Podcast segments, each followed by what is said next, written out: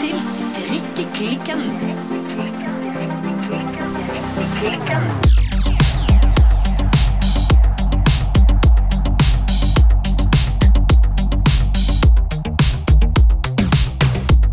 Hei, Birte. Hallo, Silje. Birte, Ja. strikker du noe i dag? Nei, jeg gjør fortsatt ikke det, altså. Nei. Det er Eh. fremdeles eh, senebetennelseshender. Ja, det er det. Og jeg har jo nå Dette er faktisk min fjerde uke totalt uten strikking. Ja. Så før jul så halta jo jeg litt, og hadde mer opphold på kanskje ei uke, ei helg, noen dager. ja. Men fra og med jul så har det faktisk vært bom stopp. Men er du sikker på at det er strikkingen som er den største synderen? Ja, altså Det som jeg kan si, da, er at eh, i dag, så, eller denne veka her, så har jeg faktisk for aller første gang strikka bitte litt. Oi! Altså for første gang på fire uker. Ja. For at eh, jeg tenkte at eh, jeg kan jo ikke bare sone helt ut fra strikkinga. Så jeg har begynt på en aldri så liten prøvelapp til Ja. denne her Ingen dikkedarer-genseren min. Ja. For at når jeg begynte å strikke for snart et år siden, så var liksom ikke prøvelapp det hotteste. Nei, det er jo litt kjedelig.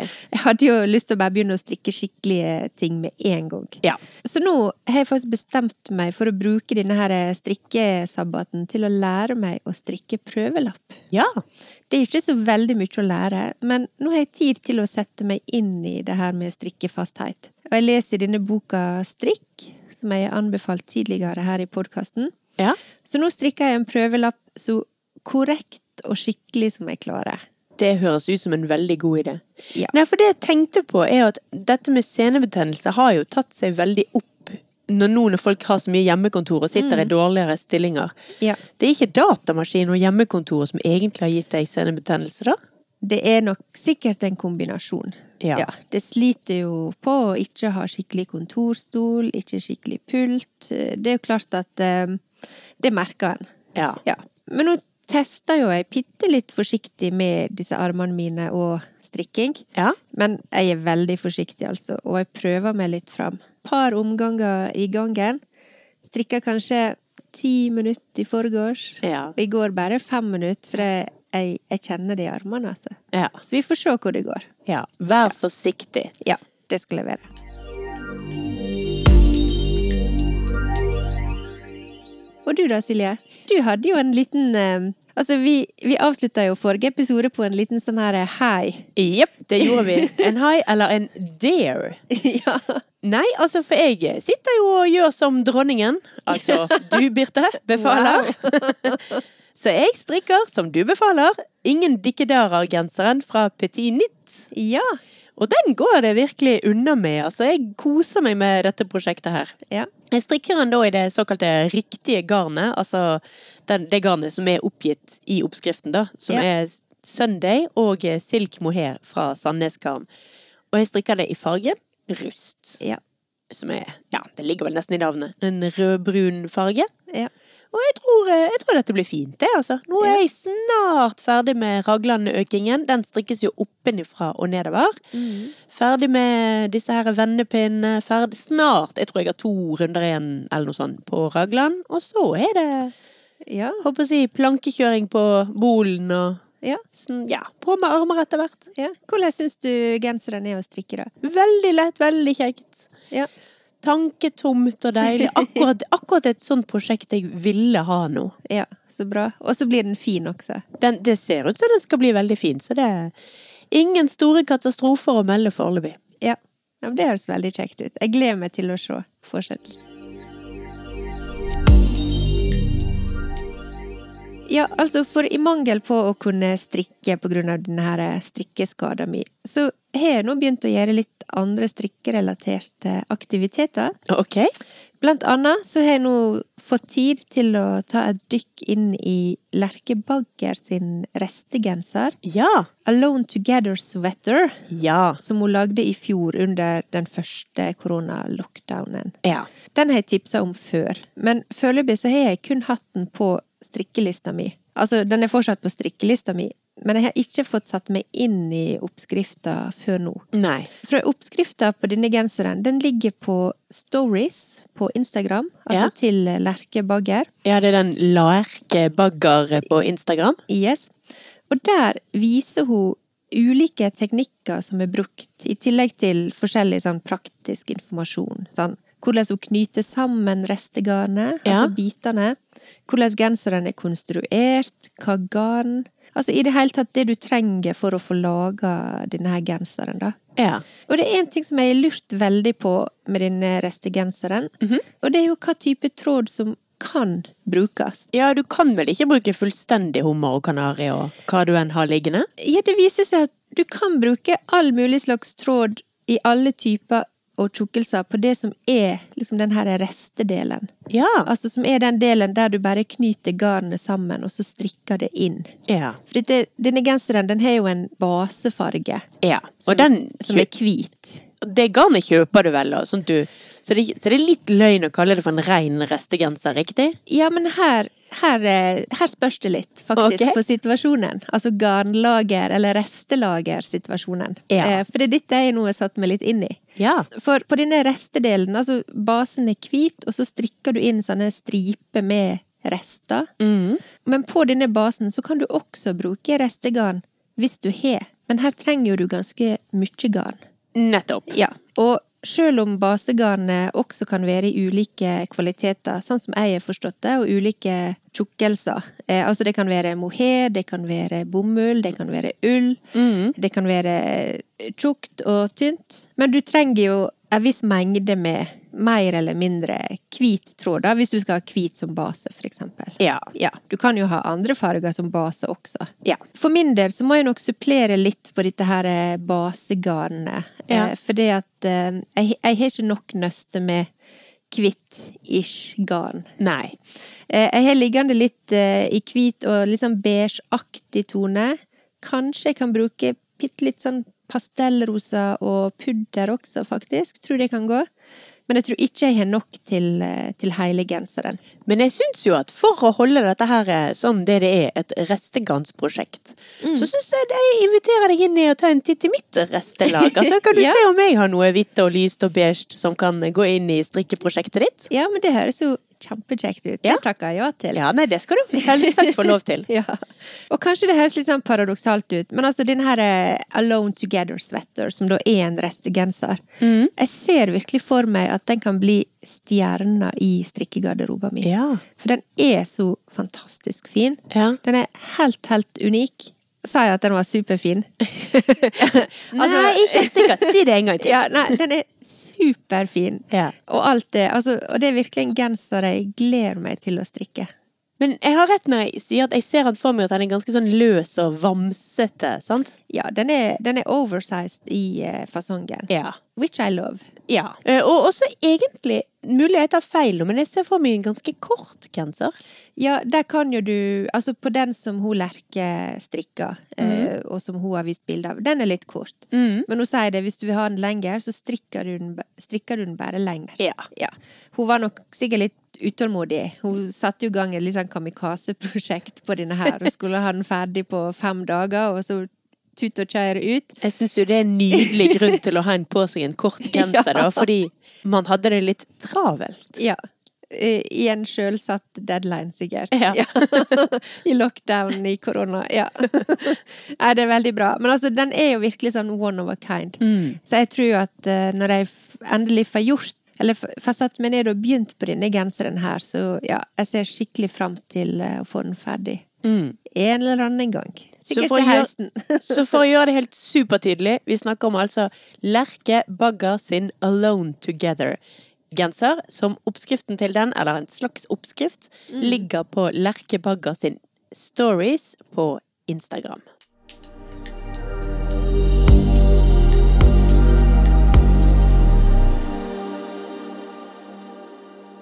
I dag så har jo vi bestemt oss for å snakke om et slags strikkemysterium. Ja, vi skal rekke opp trådene. Ja. Mysteriet Marius. Ja. For vi har i dag bestemt oss for å dykke ned i et eh, ganske kontroversielt tema. Mhm. Faktisk et kontroversielt strikketema. Ja. Ja. Nemlig det store mysteriet om Marius-genseren og dens opphav. Ja. Altså, for Marius-genseren, det er jo en strikkegenser som de fleste nordmenn kjenner til. Det er en strikkegenser som er inspirert av de tradisjonelle setesdalsgenserne, men da uten det som heter lus, altså disse små V-ene eller prikkene. Ja. Mens der de tradisjonelle genserne brukte saueull sine naturlige farger, det var svart og grå og hvit og brun, så ble Marius-genseren den ble designet ø, og lansert da i farger. I første omgang så var den designet for å være i svart og rødt og hvitt. Men etter hvert så ble han jo mer kjent som ø, med de supernorske fargene rødt, hvitt og blått. Yes. Og sånn, Hvis du skal følge oppskriften og gjøre det helt riktig, så skal Marius-genseren strikkes i bergyntgarn, som er et eh, 100 ullgarn fra Sandnes eh, ullfabrikker. For det har seg sånn at denne her utrolig populære genseren Mhm. og mønsteret, det har jo altså da blitt krangla om i snart 70 år. Ja. Og det er nok eh, på grunn av den enorme populariteten at den fortsatt er ei kilde til konflikt. Eh, Marius-mønsteret er jo Norges mest solgte og strikka mønster. Ja. For det er jo Sandnes Garn, eller tidligere så het jo det Sandnes eh, Ullvarefabrikk. Og de oppgir å ha solgt over tre millioner eksemplar av oppskrifta til Marius-genseren. ja, det er helt vilt. Det er helt vilt. Og i, bare i Norge så mener en at det har blitt strikka ca. fem millioner Marius-gensere. Å, herregud. Det er jo liksom omtrent én til hver eneste person som bor i dette landet.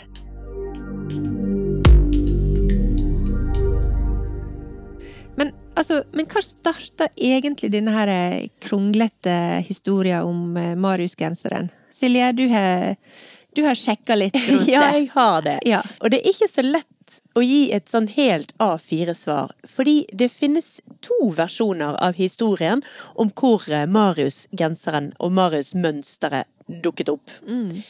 Ifølge den ene versjonen så er mønsteret designet av Unne Søyland Dale.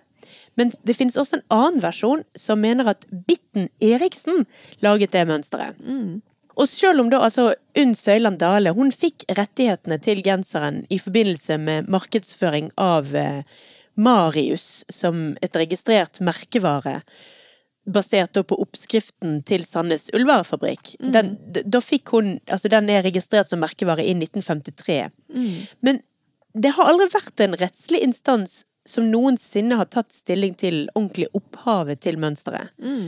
Og da er det med andre ord fremdeles strid om hvem som egentlig har designet Norges utvilsomt mest populære strikkemønster. Ja.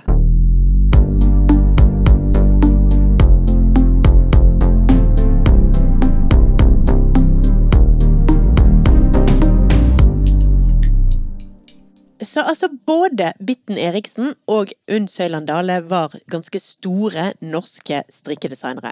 Ja. Men eh, Unn Søyland Dale var nok da den mest kjente av de to.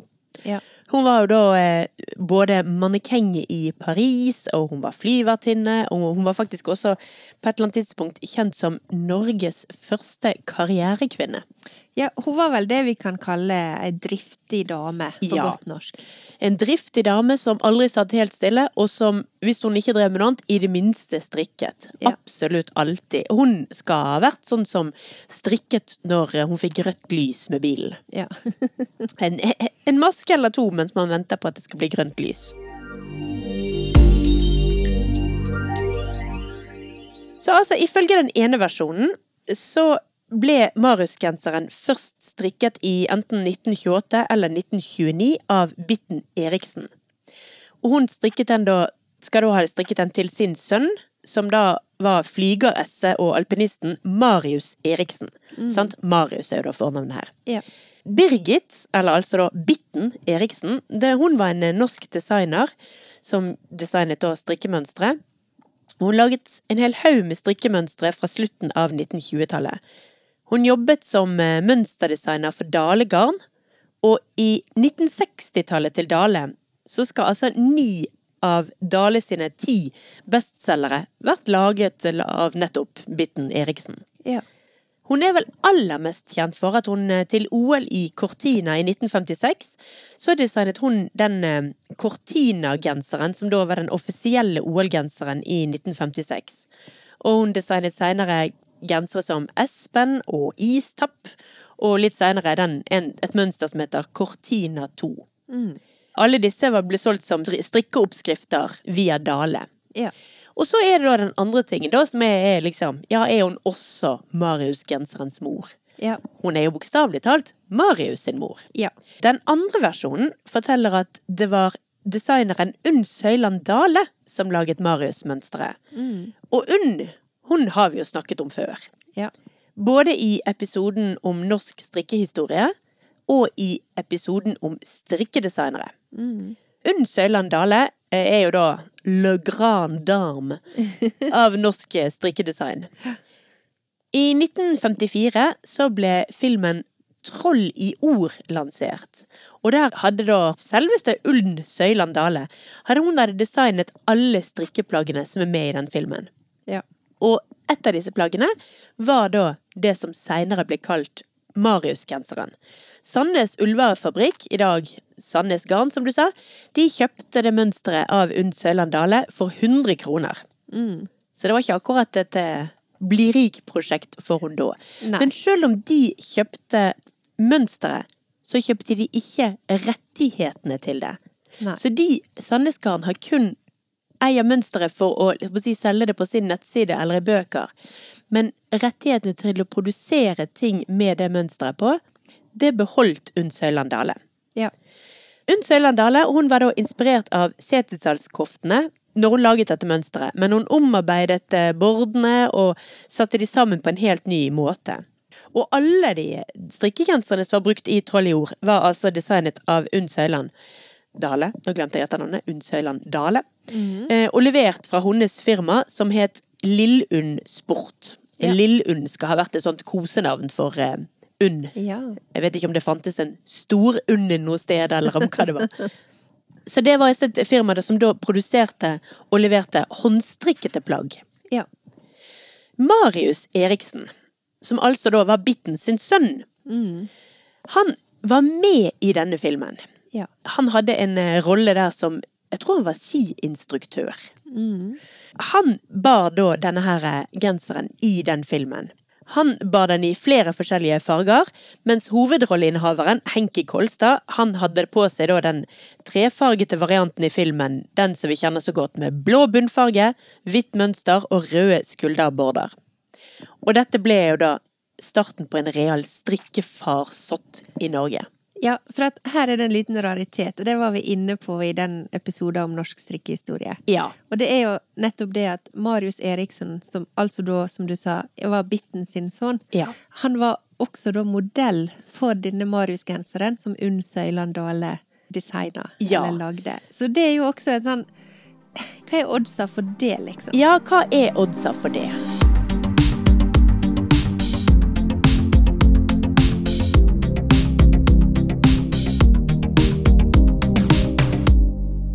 Og en annen liten sånn raritet er jo at som nevnt så fikk Unn Søyland Dale 100 kroner for å selge mønsteret til Sandnes Garn, mens Marius Eriksen fikk 300 kroner for å stille opp på reklameplakaten Ja. for den genseren. Så eh, modellen tjente mer enn eh, designeren. Ja. Hvis hun da altså er den opprinnelige designeren. Ja. For det, dette skapte da eh, altså en livslang konflikt mellom Unn Søland Dale og Bitten Eriksen. Ja. Bitten hun prøvde å legge frem fotografier av sin familie for å bevise at det var hun som hadde vært først ute med å strikke dette her mønsteret. Men det som er, er at Bitten Eriksen og Unn Søland Dale sine versjoner av dette mønsteret, de var aldri helt like. Nei. Begge to hadde blitt inspirert av Anniken Sibberns sin bok Norske strikkemønstre, som kom ut i 1929. Mm. Og der var da blant annet de tradisjonelle bordene i mønstret til Setetal, Setesdalskoftene presentert. Og begge to var inspirert av disse gamle tingene. Ja. Ja, for at jeg las eh, også at eh, Unn Søyland Dale altså Hun solgte jo disse rettighetene til Sandnes Ullvarefabrikk eh, i 1953, sånn som du sa. Men Marius-designet det ble jo også seinere kopiert av andre garnfabrikker. Ja. Og Søyland Dale hun gikk jo til sak på det her. Eh, retten da konstaterte at et strikkemønster ikke kunne ansees som et design, og derfor ikke var beskytta av lova. Men i 1998, faktisk ja, det eh, er så seint. ja, så var det ny rettssak, eh, og denne rettssaken endte i, forl i forlik. For da hadde nemlig søsterbedrifter til Sandnes, eh, som da heter Dale Garn og Trikotasje, de hadde begynt å lage maskinstrikka versjoner av Marius-genseren. Ja. Eh, Og dette var ikke en del av den opprinnelige kontrakta som Søyland Dale hadde med Sandnes. Nei. Eh, Og hun fikk derfor eh, erstatning, og ble innrømma retten til å bli navngitt ved bruk av hinna sine designarbeid. Og hun fikk også samtlige produksjonsrettigheter til mønster og modeller, som da tilhørte dette selskapet som du nevnte i stad, Lillund Sport. ja. Og i dag så er jo det Unn Søyland Dale sin datter Vigdis Yran Dale som forvalter rettighetene. Ja, for vi må jo skyte inn at eh, både Bitten Eriksen og Unn Søyland Dale dessverre er døde. Ja. De er jo ikke lenger en del av denne lovmessige stridigheten. Nei. Og Marius-mønsteret altså det, det blir regna som et åndsverk med verkshøyde, hva nå enn det betyr, men er også beskytta av eh, markedsføringslova. Ja, det ble det altså da på 90-tallet, men Ja. fram til det så var ikke strikkemønstre beskyttet under åndsverksloven. Nei, det var ikke det.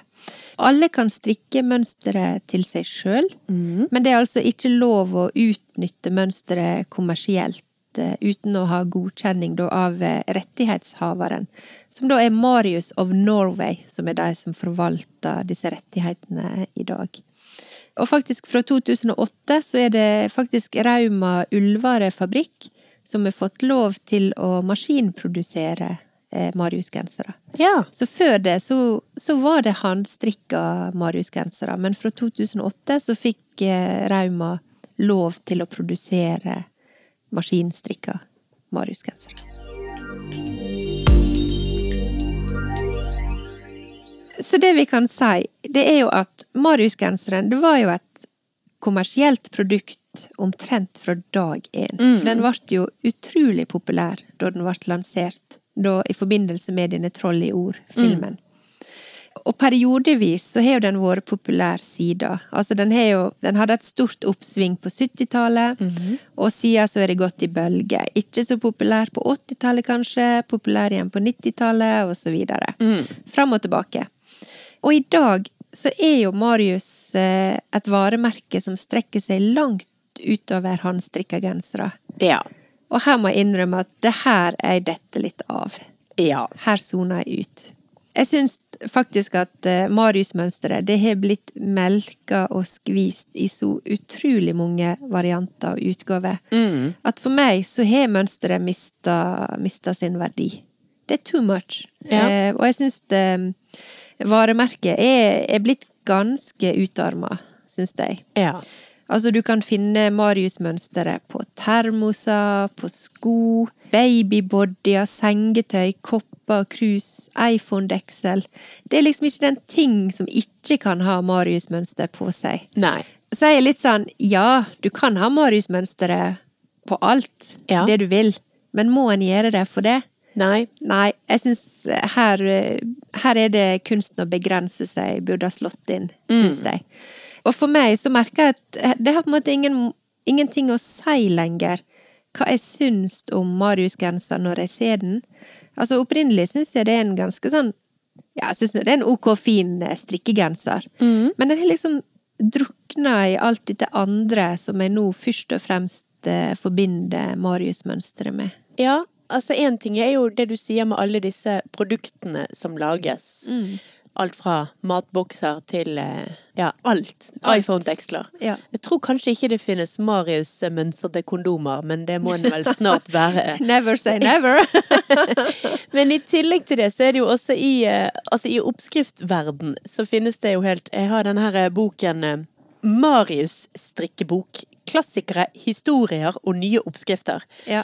Og mengden med oppskrifter og rariteter om hva du kan strikke deg med Marius-mønster der, er helt vanvittig. Ja. Der har man eh, klassikere som Marius-salotrekk. Altså du kan strikke en slags pulsvante til salo, altså så oppvaskmiddelet ditt. Ja. Det finnes Marius-ølvott. Da strikker du en vott som henger sammen med et deksel du skal ha rundt en eh, ølboks på tur. Det finnes Marius-vinkartongtrekk.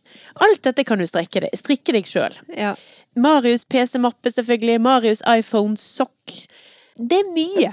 Ja, det er mye, og jeg, jeg kjenner at eh, det føles som om de kommersielle kreftene bare har tatt fullstendig overhand. Eh, Og jeg syns egentlig det er litt trist. Jeg føler ikke det tilfører noe særlig, annet enn at de som sitter på rettighetene, sikkert tjener grassat med penger på det. Jeg ser innvendingen din. Altså, jeg personlig er veldig glad i den tradisjonelle Marius-genseren. Jeg liker den både i eh, svart, eh, rødt, hvitt og blått, rødt, hvitt.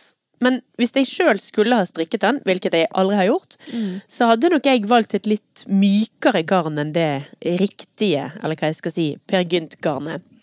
Kanskje noe i alpakka eller noe i den duren der. Noe som var litt grann mykere, iallfall. Ja. Men da snakker vi om, om Marius-genseren. Ja. Og den kan jeg like, men, men alle disse andre tinga, det har liksom brancha ut i alle retninger. At Altså- du glemmer nesten litt hva det kommer ifra, føler jeg. Jeg er enig i det. Altså, jeg ville sjøl ikke strukket meg lenger enn jeg kunne også ha strikket en Marius-lue. Men genser og lue, det stopper etter det hos meg. Ja. Jeg er ikke en som har lyst på Jeg ønsker meg ikke Marius-termos og Marius-sittunderlag og Marius-vinkartongvarmer. Nei. Jeg er jo født på 70-tallet, så jeg hadde jo selvfølgelig Marius-genser som barn. Som, eh, som alle hadde. Ja. Eh, Og mine barn hadde Marius-gensere når de vokste, og- når de var mindre, da. Ja. Og jeg syns jo også at den lange konflikten mellom Unn Søland Dale og Bitten Eriksen er trist. Ja. For samtidig som jeg mener at designere av eh, strikkeoppskrifter fortjener selvfølgelig all heder og ære, så så skjønner jeg at det er veldig vanskelig å bestemme hvem det er som er korrekt opphavskvinne til et mønster, når begge to da er inspirert av det som er er felles kulturarv. I dette tilfellet da det gamle, eller gamle Setesdals- og Fanakoftemønsteret. ja. Men uansett så syns jeg faktisk at vi skal utbringe en slags virtuell, en slags tulleskål for både Bitten Eriksen og Unn Søland Dale. Uansett hvem av de noen som er Marius Genseren sin rette mor. ja. Men det syns jeg var fint sagt, og et bra forslag, Silje. Ja. Ja.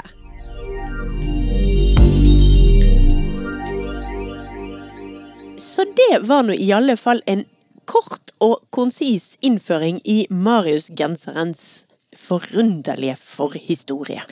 Ja, altså mysteriet Marius, eh, det er jo ingenting som tyder på at eh, det skal bli avklart med det første. Jeg Nei. tror nok det er noe som vil bli liggende som et eh, slags åpent sår. Det er jeg redd for, ja. Ja. Så får vi heller ta med oss gleden over at nå er strikkedesign rettighetsbeskyttet, sånn at i fremtiden er det vel for, forhåpentligvis lite sannsynlig at vi får en tilsvarende konflikt om et nytt mønster. Ja, det må vi håpe. Så må vi vel hente oss opp igjen fra dette dypdykket og komme oss opp igjen til overflaten og inn på tørr grunn. Ja. Og da havner vi tilbake igjen til en av våre faste spalter, Birte, nemlig hva tipser vi om i dag, da? ja. Eh, mitt tips eh, i dag er ikke nødvendigvis direkte strikkerelatert, Nei? eller på en måte. For at tidligere så har jo vi snakka om hva du kan gjøre på når du strikker. Ja. Og nå har jeg lyst til å tipse om en eh, programserie som ligger ute på NRK. Som jeg tenker må være det perfekte følget til et strikketøy. Ok. Det er nemlig den svenske programserien Husdraumar på Sicilia. Og ja, tittelen er på nynorsk, det er ikke bare min dialekt. Men her følger vi ei svensk familie som bokstavelig talt gønner på å kjøpe et stort, men falleferdig hus på Sicilia. Oi. Altså, bare den driven, eller galskapen i seg sjøl, er jo ganske beundringsverdig artig og inspirerende. Ja. For min del så kommer jeg nok aldri til å klare å kjøpe ei lita vedlikeholdsfri hytte 30 minutter utenfor Bergen en gang. Og så her er det noen som bare begir seg ut på det eventyret. I tillegg så elsker jeg sånne interiør- eller designprogram. Mm. Og Dette er jo strengt tatt et slags eh, oppussingsprogram. Eh, Ja. Men her er det mer eh, estetikk og inspirasjon, heller enn eh, skrumaskiner og svette og hamring og sånn. Ja. Selv om du aner jo at eh, det er jo en gigajobb som skal gjøres her. Nettopp. Du Ja. får en følelse av at kanskje ikke den murveggen ble så fin av seg sjøl. Nei da, du følger jo litt eh, jobben, selvfølgelig, Ja. eh, prosessen. Men vi følger altså Marie og Bill Ja. eh, og deres tre barn, som til vanlig bor i Høganes i Sverige. Ja. Eh, og dette er ikke det første oppussingsprosjektet de har begitt seg ut på. De er ganske erfarne på dette her. ja, det var noe bra de hadde øvd seg litt før de begynte på et falleferdig hus i, på Sardinia, var det det du sa? Eh, Cecilia. Sicilia. Ja. Nei da, de har erfaring på dette her, men nå skal de altså begi seg ut på dette her eh, Italia-eventyret. Og det er rett og slett et program som jeg elsker. Og jeg tror det eneste som kunne ha gjort at jeg kunne elske det mer, det hadde vært om jeg hadde hatt strikketøy i hendene mens jeg så på. For at dette er et program som jeg bare kan se om igjen og om igjen og om igjen, og som jeg anbefaler på det varmeste. Eh, Alle de seks episodene ligger altså ute på NRK. Husdraumer på Cecilia. Det skal jeg helt klart sjekke ut. Det må du.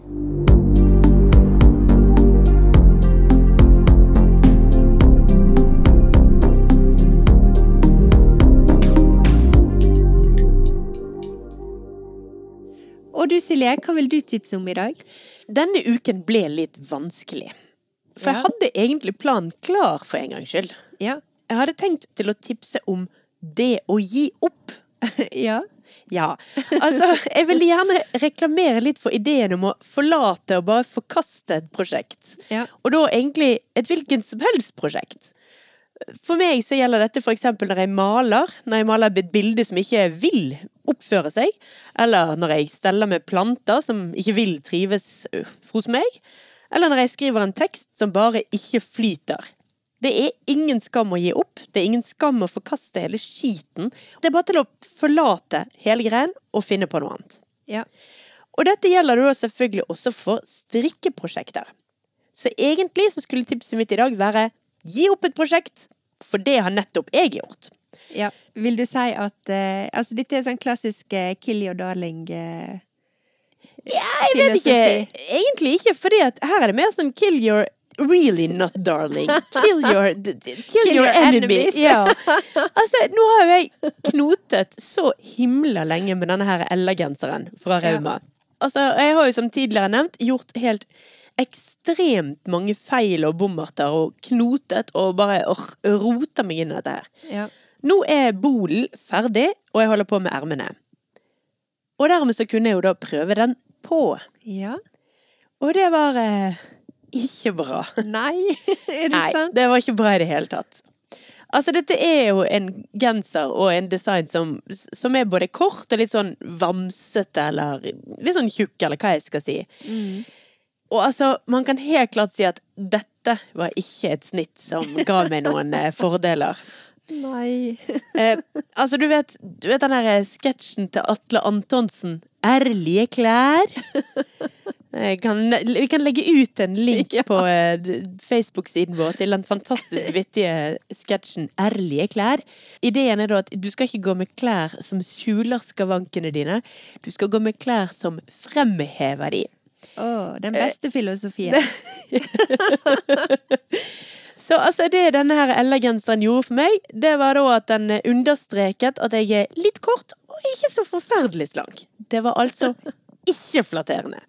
Så jeg hadde hele virkelig bestemt meg for at nå skal jeg forkaste dette prosjektet, og jeg skulle da bruke Silje Tipser-seksjonen til å oppfordre alle andre til å bare forkaste prosjekter som ikke gir en glede.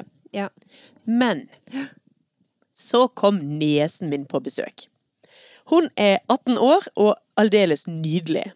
Hun ser i grunnen litt sånn ut sånn som da denne modellen på bildet som Rauma bruker for å reklamerer for denne genseren. Hun Ja. er høy og slank, og hun kler veldig godt sånne bukser med høyt liv. Ja. Så hun fikk da prøve den genseren. Eller strengt tatt, hun fikk prøve da denne bolen som er ferdig. Og hun så fantastisk ut med den. ja. Så nå skal jeg faktisk ikke forkaste prosjektet likevel. Jeg skal strikke ferdig elegenseren og gi den til min niese. Så bra. Men uansett så står faktisk grunnprinsippet mitt ved lag. Har du et prosjekt som gir for mye motstand, og som ikke gir deg glede lenger, gi opp! Ja. Rekk det opp igjen, og bruk garnet om igjen. Eller kast hele skiten hvis du virkelig er sur på hele prosjektet. Kast den i peisen. Kast den i peisen. Ikke vær redd for å gi opp og forkaste et prosjekt. Livet er for kort til å strikke noe du ikke koser deg med. Du, nå kom jeg på en liten historie. Ja. Eh, for jeg har jo avslørt tidligere her at eh, jeg er ikke noen sånn racer på sying. Ja. Og strengt tatt ikke noen handarbeidracer heller. Jeg begynte jo også å strikke for et år siden. Ja. Men eh, en eller annen gang i livet så prøvde jeg å sy en slags skjørt og en topp. ja. Den gikk i peisen. Det er det eneste riktige. Men det har tatt ganske lang tid før det går opp for meg at det finnes mange der ute som ikke gjør det. Ja. Som liksom Å nei, nå har jeg begynt på denne boken. Jeg hater denne boken, men nå må jeg lese den ferdig. Å nei, jeg liker ikke dette strikkearbeidet. Kill your darlings. Nei, kill your enemies. Keep your darling. Shoot your darlings. Nei, men det er jo en grunn til at vi tviholder på det, tenker jeg. Det, der er jo noe som gjør at en tviholder på det. Men Ikke det bare må- tåpelig det må en stahet, bare- Det må en bare skyve vekk. Ja.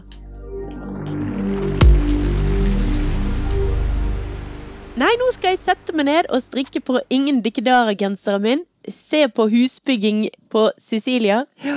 Og tenke litt grann på opphavet til Marius-genseren. og kanskje, bare kanskje, se om jeg ikke har en termos med Marius-mønster liggende. Å, det skulle tatt seg ut. og Birte, Ja. jeg vet jo når du har bursdag. ja. Så jeg vet at jeg nå snart skal begynne å strikke bursdagspresangen du skal få av meg. ja. Det blir en hjemmestrikket Marius vinkartongtrekk. Yes. eh, jeg drikker jo veldig mange kartongviner i løpet av et år. Jeg kan ikke huske sist jeg kjøpte Nesten kjøpte ei flaske vin en gang. Men ja, nei, men dette høres ut som noe som jeg både kan trenge og vil like. Ja, helt klart. Hvordan har du klart deg i livet uten en Marius kartongvin? Ja, det, det får jo vi finne ut. Jeg grugler meg. Det blir nydelig. Vi snakkes om en uke, Birte. Det gjør vi, Silje. Ha det bra. Ha det.